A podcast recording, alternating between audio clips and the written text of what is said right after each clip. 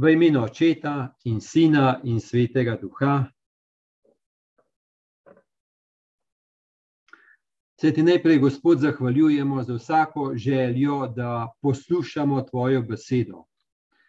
In da na ta način, ko poslušamo Tvojo besedo, da smo tudi s Teboj, da te spoznavamo.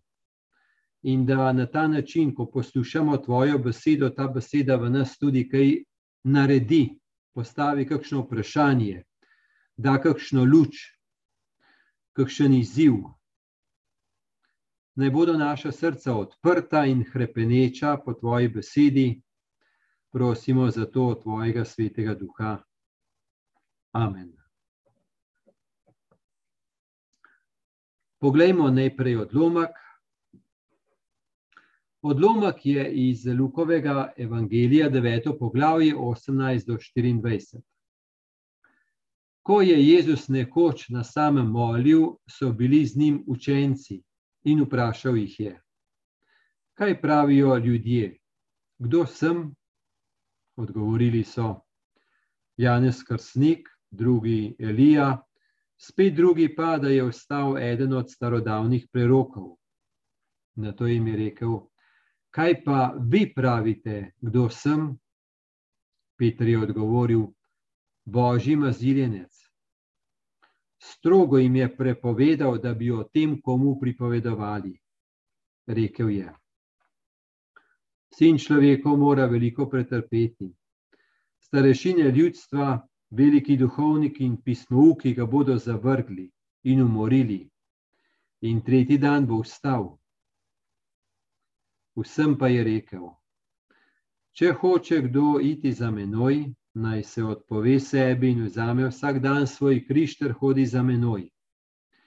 Kdor namreč hoče svoje življenje rešiti, ga bo izgubil. Kdor pa izgubi svoje življenje zaradi mene, ga bo rešil.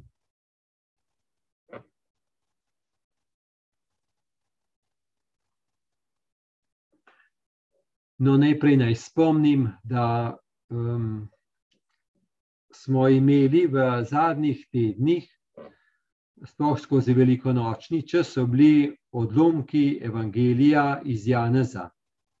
No, zdaj smo pa v tako imenovanem času med letom, ki traja od konca velikonočnega časa, pa potem do adventnega časa.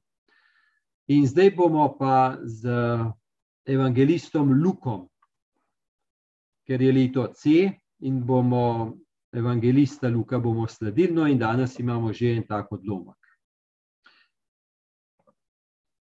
Tako je začel naš odlomek.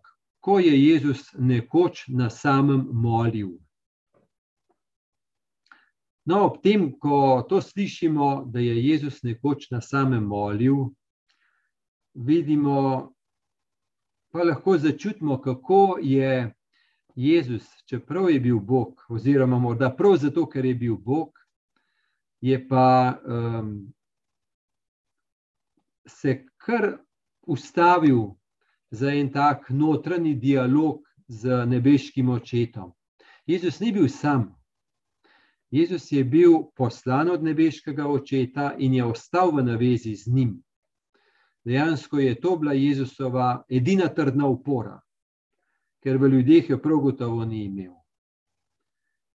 In uh, ko je bilo tudi njemu potem streženo po življenju, tudi v sebi jo ne bi mogel imeti, ampak v nebeškem očetu.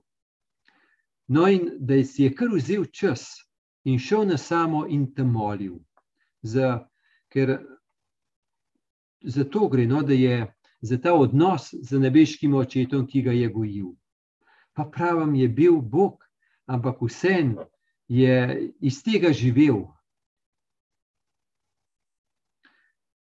No, in pravi, da so bili z njim učenci, zdaj na kakšen način je molil. Očitno so bili nekje tam zraven učenci in jih je vprašal, kaj pravijo ljudje, kdo sem.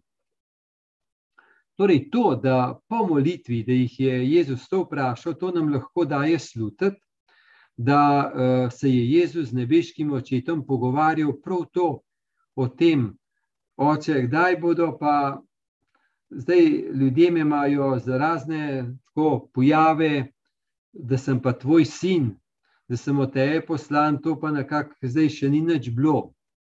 Zdaj se je pa to pojavilo. Morda si ravno o tem spraševal, oziroma spraševal očeta.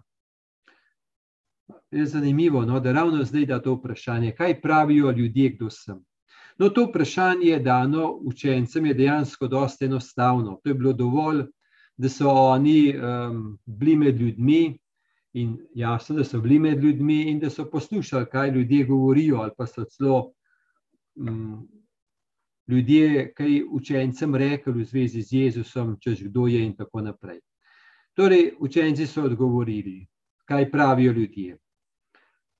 Nekdo pravi, da si Janus Krstnik, drugi Elija, spet drugi pa, da je ostal eden od starodavnih prerokov. Torej, da je Jezus nekako izstopil, to je bilo jasno. Ker bodi si zaradi čudežev, bodi si zaradi tega, ker je kakšne take stvari počel, da so ljudje bili začudeni. Naprimer, to, kar je Jezus počel enkrat v Jeruzalemskem templju, da je vzel bič, izgnal ven prodajalce, pa živali in vse to, to ni kdorkoli počel si itak ne bi upal kdorkoli početi. On pa je in jasno, da so ljudje govorili, to so govorili gotovo po celem Izraelu, so govorili tisto leto, kaj nekdo naredil tam v templju, kaj si je upal narediti. In ga niti, niso, ga niti niso zaustavili. No, pa potem čudeži. To se pravi, o Jezusu so ljudje govorili, ker je toliko izstopil, toliko nekaj posebnega, pa ne navadnega je bilo. In vidimo, da najbolj so mu pripisali eno identiteto, da je en prerok. Je pa zanimivo, da so imenovani preroki, ki so bili prej, um, ker pri njih je bila ta nekako tako gledanje, je bilo, da um, prerok je tako poln svetega duha, da ko njegovo telo umre, ta duh ne more se kar izgubiti nekam ampak da ta duh nekje je in kot da čaka, da bo spet dobil priložnost, da bo v kakšnem telesu, torej po kakšnem drugem človeku, ponovno spregovoril. Tako so čutili, da je preroštvo, prerok, da ima eno strašansko moč v sebi in niso mogli nekako reči, da ja, se je zdaj vse umrl. Ampak da je ta njegov duh nekje je. In ko bo spet prilika, pa bo spet uh, dobil duh priliko, da se bo tako v človeku. V človeku ni ta prava beseda, ampak da se bo spet tako pojavil. Jasno, da to ni kakšna reinkarnacija, to nima nič s tem. To je čista vidik, duhoven vidik moči preroškega duha in za preroke je to bilo. No, mm, bodi si torej krstnik, ki je bil takrat že mrtev, ali pa Elija, ali pa kakšen drug od starodavnih prerokov. No, za Elija so itak pričakovali, da se bo vrnil, ker niti ni umrl, ampak je bil vzet v nebo in so itak pričakovali, da bo prišel nazaj. Torej, ljudje so prišli do sem, da je Jezus en velik prerok. En pomemben prerok, do sem so prišli, da dobro uči, da dela kakšne čudežna znamenja, pa govori malo proti oblastnikom, To, kar je zelo tipično, da so preroki delali, ker tudi marsikaj od prerokov so naredili kakšen čudež, v tem, da so delali kakšna preroška znamenja, prav gotovo, in da so govorili proti oblastnikom, to pa je itak. Torej, oni so povedali najprej, kaj so ljudje govorili, Jezus pa nadaljuje, kaj pa vi pravite, kdo sem. Torej, to vprašanje je zdaj mnogo bolj direktno in jih mnogo bolj eh, postavlja nekako pred eno tako vprašanje, stališče, kaj pa oni zdaj so o njem spoznali. Torej, tako pri nas, kaj ljudje govorijo, to ni težko. Imeti pa eno svoje prepričanje, pa gledanje, eno svojo. Um, tako pozicijo, no, to je pa nekaj drugega. No, in jih je na to postavil. E, dobro, eno je, kar ljudje pravijo, zdaj pa mene še posebej zanima, kaj pa vi, kje ste pa vi, kje ste na poti, kaj vidite v meni, v čem me prepoznate, kdo sem za vas. No, in Peter je odgovoril, Božji maziljenec. No, in ta Petrov odgovor, Božji maziljenec, to je res tak um, odgovor, ki gre čisto v drugo smer, kot pa so ljudje govorili o Jezusu. Tako da v paralelnem odlomku, paralelen odlomek pomeni, imajo naprimer sinoptiki, Matej, Marko, Luka, imajo precej podoben potek in imajo potem paralelne opise teh dogodkov. No, in tam beremo, naprimer pri Mateju 16:17. Jezus potem odvrne Petru: Blagor ti, Simon, Jonov sin, kaj ti tega ti ni stara zadela meso in kri, ampak moj oče, ki je v nebesih. Se pravi, takrat je pa Peter se, eh, se Jezus zavedal, o Peter, če si pa ti to rekel, potem se pa nekaj v tebi dogaja in v odnosu z nebeškim očetom se nekaj dogaja v tvojem srcu.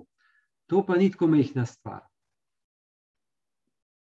No, preden gremo naprej, poglejmo, kaj to izraz pomeni maziljenec, ker on je odgovoril božji maziljenec. Zdaj, maziljenec, um, tukaj je tako prevedeno in uh, pomeni tista oseba, ki je maziljena, maziljena z oljem, kot so bili v stari zavezi, so bili maziljeni kralji, pa veliki duhovniki. In to je v tem smislu bilo to, so bili maziljeni z oljem in je bilo to znamenje njihove posebne službe.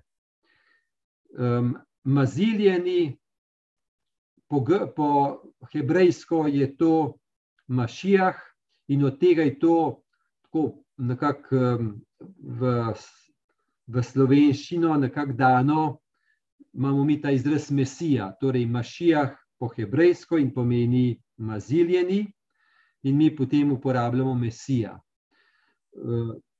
V grščini je pa maziljeni Hristos.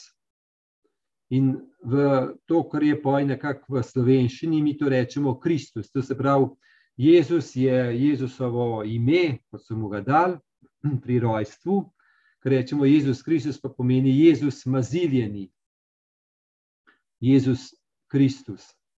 Ali pa Jezus Mesija, Mašijah.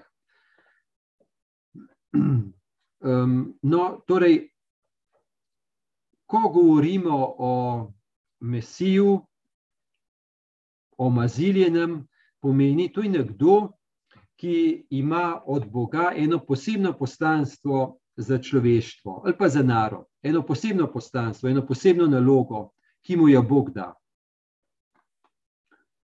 In uh, mesijanska pričakovanja so bila v stari zavezi zelo živa. Oni so stalno znova zaupali, da jim bo Bog poslal kakšno osebo, kakšnega poslanca, torej kakšnega maziljenega, kakšnega odrešenika. In to, kakšne vrste bo, ta odrešenik, to je bilo pa malo odvisno, to je bilo raznoliko skozi različna stoletja in je bilo odvisno od tega, v kakšni situaciji so bili. Kar je razumljivo, naprimer, če so bili v kakšni taki težki politični situaciji, potem so bila precej živa taka gledanja, da bo odrešenik, maziljeni mesija, da bo to gotovo en velik politik, en velik kralj.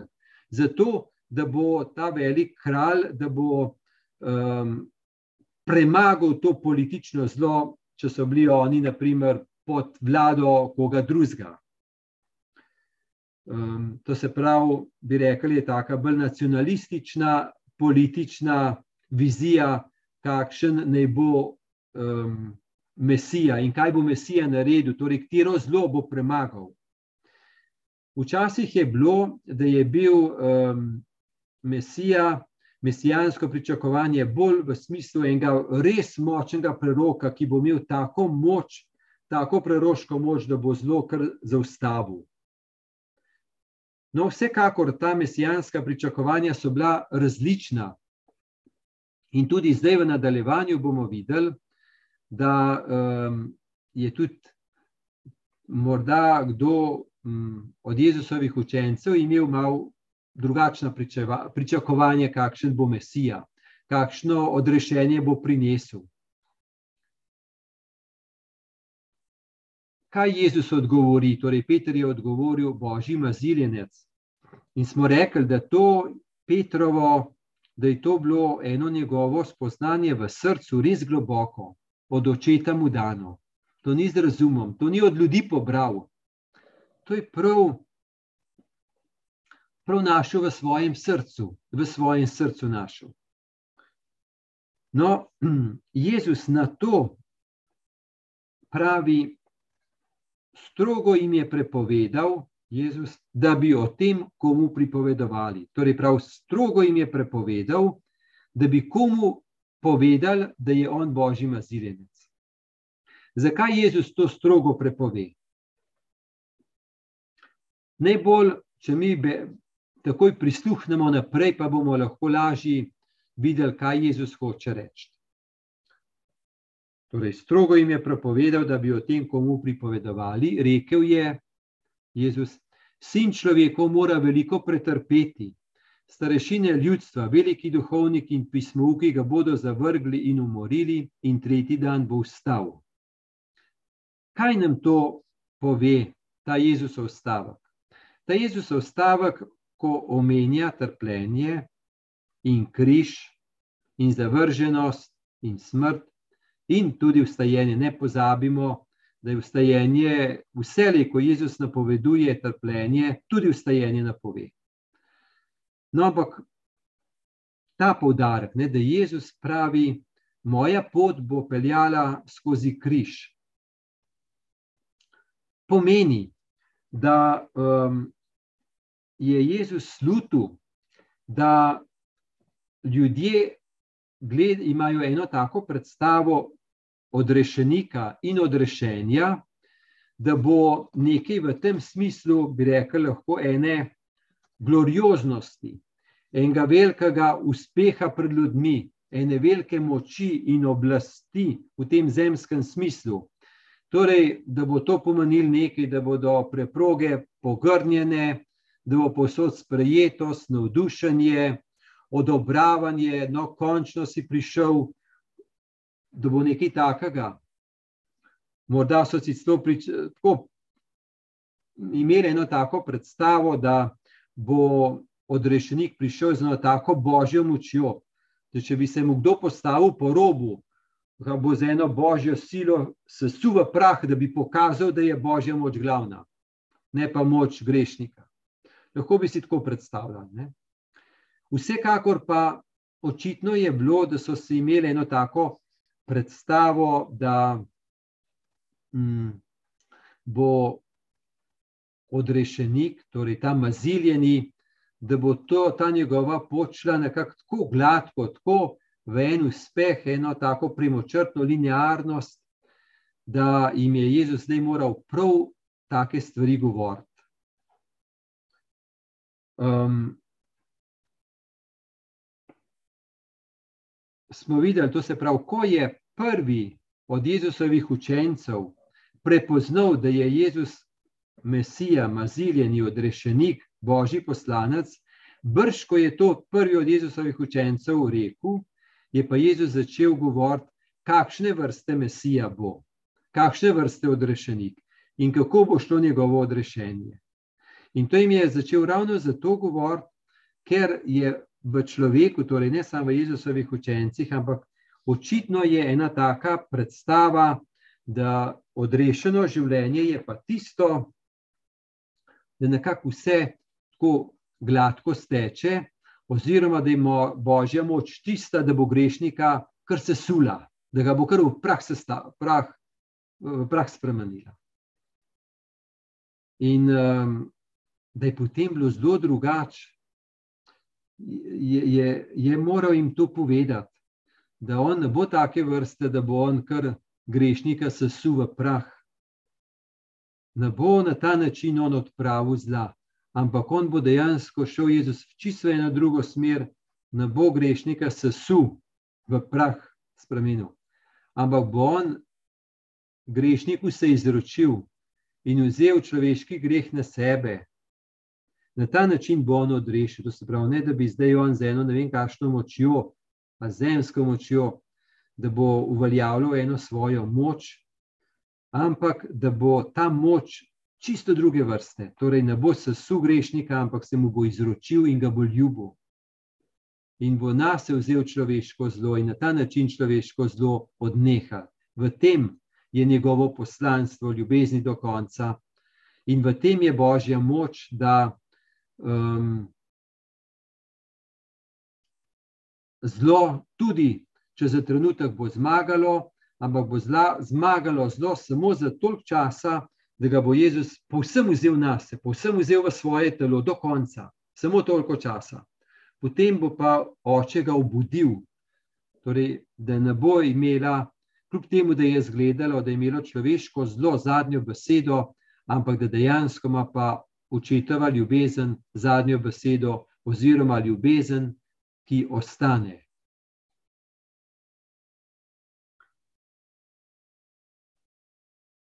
Če beremo paralelni odlomek v Markovem evangeliju, tam je pa Jezus še mnogo bolj, um, v tistem je pa Jezus še bolj ekspliciten, ker tam imamo pa dogodek med Jezusom in Petrom. Tako pravi. In začel jih je učiti, da bo sin človekov moral veliko pretrpeti, da ga bodo starešine, veliki duhovniki in pismovki zavrgli in umorili, in da bo po treh dneh ustal. O teh stvarih jim je odkrito govoril, in Petr ga je potegnil k sebi in ga začel grajati. Jezus pa se je obrnil, pogledal po učencih in pograjal Petra: Poberi se za menoj, Satan, ker ne misliš na to, kar je božje, ampak na to, kar je človeško. Tukaj vidimo, kako je Jezus, Peter dobrohotno Jezusu rekel: Poglej, Jezus, ne take stvari govori, da vsi trpijo, se ti si vendar božji sin, da si božji sin. A ne veš, da imaš ti božjo moč vse, pa ne veš, da te ima Bog rad. A ne veš, da si tako velik, pa ne bo zdaj govoril, da se bi take stvari ti zgodile, kaj pa je narobe s teboj. No, in Jezus ga je zelo močno zavrnil, tako da smo res presenečeni, kaj reče Jezus Petru. Tukaj lahko res čutimo, kako je to nekako eno spontana eno spontano pričakovanje v človeku, kaj naj bo to odrešeno življenje, in kako pa Jezus govori, ne, ne, ne, odrešeno življenje ima eno drugo dinamiko. Ne samo to glorioznost, ampak ima eno drugo dinamiko, eno drugo vsebino. No, katero, poglejmo. No, morda še to, ko jim je rekel, da ne, nikomu ne smejo o tem povedati, strogo jim je prepovedal v tem smislu, Vi, učenci, boste vedeli, kdo sem, ne že zdaj, ko me vidite, da delam čudeže, pa množice zbiram. Ne, počakajte, počakajte, da se bo vse zgodilo, pa boste pa imeli kompletno sliko. In ko boste imeli kompletno sliko, in sveti duh vam bo kompletno sliko pokazal in stoh odkril, kaj se pravzaprav dogaja v odrešenju, kaj oče želi pomen, no takrat šele boste šli govoriti, ne pa zdaj, ker boste popačeno govorili v čem je moje odrešenje. Zdaj boste kar tih, pa boste z menoj, pa me gledajte. In se pripravljajte na to, da bo moja pot šla skozi trpljenje, ker takrat bo tudi vam težko. No, to je rekel učencem. Vsem pa je rekel, gremo zdaj naprej po odlomku. Če hoče kdo iti za menoj, naj se odpove sebi in vzame vsak dan svoj križ ter hodi za menoj. Kdor namreč hoče svoje življenje rešiti, ga bo izgubil, kdor pa izgubi svoje življenje zaradi mene, ga bo rešil. No, kaj nam zdaj te besede govorijo? Kaj to zdaj govori? Najprej se ustavimo ob tem, da je beseda, če, če hoče kdo iti za menoj. Torej, Jezus dejansko dost reče, um, pogledajte, moja pot bo šla ta, bo tako šla, kot sem povedal, križ bo in zavrženost bo prišla. Ne bo vse šlo kar v aplauzih, pa v sprejemanju, pa v potrditvah. Zdaj, to je moja pot. Če vi želite za menoj hoditi, potem vam kar povem, da ne se pripravi na to. V Lukovem evangeliju beremo 9:57 do 58. Ko so potovali, mu je med potjo nekdo rekel: Za teboj bom hodil, kamorkoli pojdeš. Jezus pa mu je dejal: Lisice imajo brloge in ptica neba gnezda, sin človekov pa nima, kamor bi glavo naslonil. Tako da vidimo, kako Jezus kar malo upozori, reče: Čakaj, če res hočeš hoditi za menoj, a ti veš, kaj hočeš. Da ne bi ti hodil za eno svojo predstavo o meni, če zares za menoj, je pa to potem tudi tukaj beseda križa. Torej, Jezus da dosta odprto pove. Jezus ni tak, da bi rekel, um, kar babu, pridite, pridite za menoj, to bo vse super, pa bi bil pa kje spodaj v drobnem tisku, zelo skritem drobnem tisku bi bil pa omenjen križ. Ne, je zelo resničen, ampak ponovno ne konča s križem, ampak z ustajenjem. Torej, prvi stavek. Če hoče kdo iti za menoj, naj se odpove sebi in vzame vsak dan svoj križ ter hodi za menoj. Torej, kako naj zdaj razumemo te besede?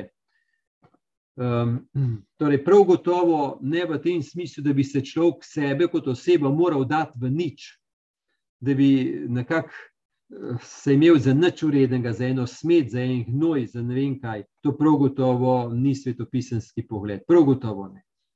Prav gotovo ne. Ampak očitno, ko reče, če hoče kdo iti za menoj, naj se odpove sebi in vzame svoj križ. Torej, odpove sebi, vzame svoj križ. To se pravi, da nekaj v to smer reče, uh, odpovedati se uh, nekaj v relaciji s sprejetjem križa, pomeni odpovedati se enemu gledanju na sebe in na življenje, enemu takmu gledanju, ki, um, ki izvrže križ. Odpovedati se enemu takmu gledanju na življenje, kjer križa sploh ni, kjer bi morali vse dobro teči, kjer bi morali vsi okrog mene skakati kjer bi morali vsi stalno samo hvaliti me, aplaudirati me, da, da ni nobene zavrnjenosti, nobene težave, nobenega križa. Torej, Jezus predvsem to prvo reče. Odpovedati sebi se v tem smislu, odpovedati se enim predstavam, ki so mm, velika uvira in veliko, velika, velika zgrešenost. In dejansko, marsikdaj res lahko izkusimo, da uh, prav ena predstava, da nič težkega sploh ne bi smel biti v življenju, oziroma da je nekaj narobe, če pride kaj težkega. Da nas, nam prav ta predstava nam še krepko oteži vse skupaj. In tako je križek te, križ težek. Če pa se nam zdi, da ga ne bi smel biti, oziroma da je nekaj narobe, ko je, no potem je pa to res dvakrat ali pa trikrat težje. Torej, to ima eno tako re, relacijo, no, to se pravi, odpovedati se sebi, odpovedati se eni svoji taki podobi ali pa enem takem iskanju življenja, ki bi imel za cilj čim bolj vzkrižati proč. Kot da je to najvišji cilj življenju, da ne bi bilo nič težkega, da bi vsi križi šli proč, izogibati se vsega težkega. Naprimer, če pomislite, mm, kaj bi pomenil, kaj bi pomenil um, vzgajati otroke v tako smer, da mm, ne bo nič težkega v življenju. Kaj bi bilo, da bi starši vse naredili, da bi otroku vem, do 35 let prikrajšali vsako težavo, pa vsak križ? Kaj bi bilo s takim življenjem, kaj pravite? Kaj pa pomeni jih pripravljati na življenje, kjer, kjer je kakšen neuspeh, kakšen padec, kakšen poraz in kaj pomeni vstati, pa iti naprej, to je celota. Ne? Torej, če bi kdo torej, odpovedal se sebi, vzeti svoj križ, smo rekli v tem kontekstu. Um, ogibati se križa, kot da je to smisel, pa v enako modnost, lagodnost, to je lahko zelo vabljiva smer življenja, ali pa hoditi za komodnostjo. Ampak čist drugo vprašanje, ali je to res polnost, odrešenost, ali je to pot za Kristusom odrešenikom. No, bom prebral iz ene knjige, nam da mal, na tak lep, dober opis, res dober, nekaj o tem, kaj pomeni tudi vključitev česa težkega. Je od Levisa štiri ljubezni. Pravi tako. Sploh pa ljubiti pomeni biti ranljiv. Ljubite karkoli in vaše srce bo zagotovo trpinčeno in more biti strto. Če si hočete zagotoviti, da bo vaše srce ostalo nedotaknjeno, ga ne smete dati nikomur, niti živaline. Previdno ga odenite s hobi in drobnim razkošjem, izognite se vsem razmerjem, odnosom, varno ga zaprite v skrinjico oziroma krsto svoje sebičnosti. Tudi v tej skrinjici, varni, temni, negibni, zatohli, se bo spremenilo. Ne bo strto, postalo bo nezlomljivo, nepredirno, nepopravljivo. Alternativa tragediji ali vsaj nevarnosti tragedije je poguba. Edini kraj zunaj nebes, kjer ste lahko popolnoma varni pred vsemi nevarnostmi in pretresi ljubezni, je pekel. No, gremo zdaj na zadnji stavek Jezusov. Kdor namreč hoče svoje življenje rešiti, ga bo izgubil, kdor pa izgubi svoje življenje zaradi mene, ga bo rešil. To nas zelo spominja na tisti stavek iz Janeza, 12-24, resnično, resnično povem vam, če pšenično zrno ne pade v zemljo in ne umre, ostane samo, če pa umre, obrodi obilo sadu. Torej, pravi, kdo namreč hoče svoje življenje rešiti, ga bo izgubil. Torej, kaj Jezus s tem govori, za kakšno držo to gre rešiti svoje življenje? Pomeni prav v tem, nekako rešiti svoje življenje, ga narediti nekako tako, poskušati si ga na kakšen način zagarantirati, si eno varnost zagarantirati, nekako narediti to življenje na kakšen način, kot je to cilj, narediti to življenje čim bolj preskrbljeno, kot je to zadnji cilj, zakaj smo sploh na tem svetu. Mm. To se pravi, um, tako v eno tako smer, imeti čim več od življenja, imeti čim več v tem smislu, zapolniti teles, telo, psiho, čim več imeti od tega, na ta način ga rešiti. Um,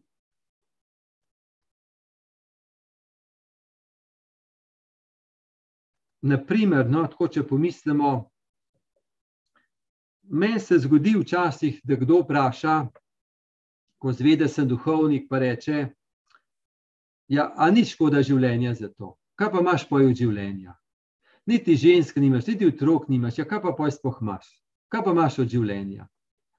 Tako bi rekel, res ta podoba, bi rekel, da, da je ena podoba, da je to življenje, je kaj vredno, da je polno, da je odrešeno.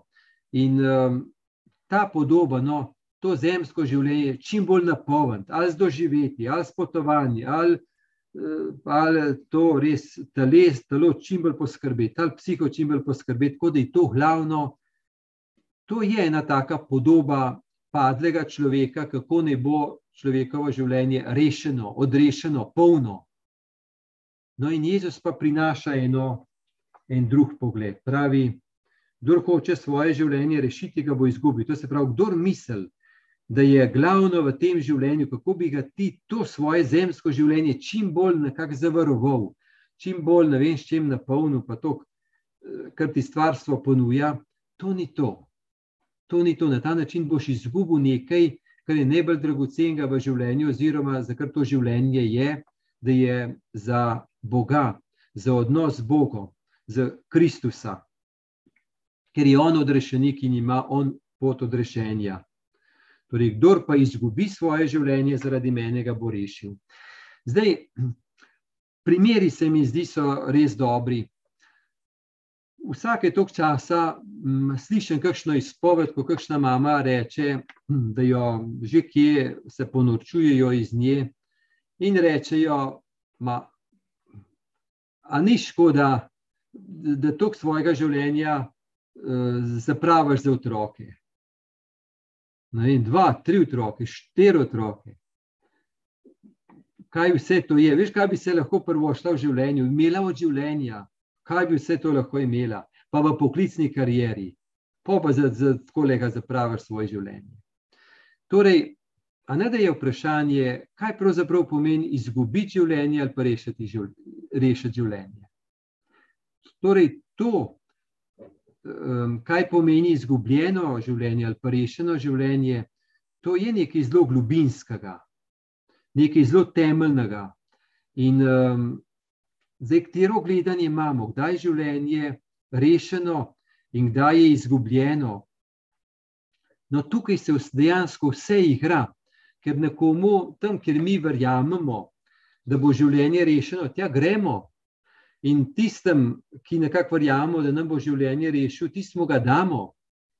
Zdaj, ali je to posvetnosti, posvetnim idealom, vrednotam um, ali pa Kristusu, no, to so pa že zelo različne smeri a ga damo, ne vem, slavi, uspehu, komodnosti, a ga temu damo, ali ga pa damo Kristusu, Božji ljubezni.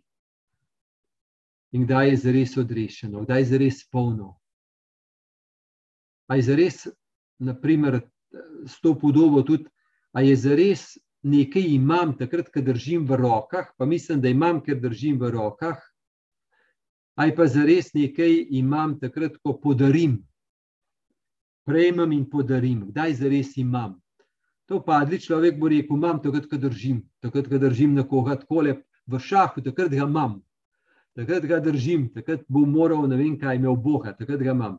Zdaj pa, kaj tak odnos pomeni?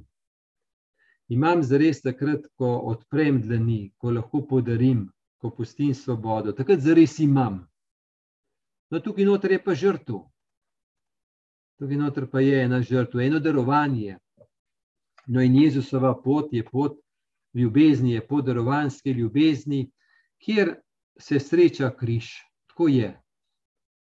Zdaj pa to križ na poti ljubezni ima eno, en smisel, eno vrednost, če pa ni na tej poti, gotovo pa je pa vse skupaj res brez veze. Tak znan stavek je od matere Terezije iz Kalkute, ko jo je enkrat novinar, ko je, en, ko je povedala, kaj ona dela, je novinar tako spontano odgovoril: Rekel to, kar pa vi počnete, jaz za noben denar ne bi šel delati. In je ona rekla: Jaz se za noben denar tega ne bi šla delati, to pa prav gotovo ne, za denar prav gotovo ne. Ampak je še kaj drugega kot to. Uh, manj kot eno minuto je, brž moramo zaključiti. No, torej, ta beseda nam je dana, tako da nas malo postavlja pod to vprašanje, eh, da potrdimo, potrdimo našo pot za, za Kristusom in da se zavedamo, katera pot je to, ampak da je vredna, ker gre v vstajenje. To, da tudi križ, pa vse to je sam prehod, da se pa gre v vstajenje, v resnično polnost življenja. No, tako. Zdaj se bodo poletne počitnice začele, tako da bomo spet nadaljevali tam enkrat sredi septembra. In naj vas to nedeljo, pa vas ta čas spremlja Božji blagoslov, blagoslov Boga Očeta in Sina in Svetega Duha.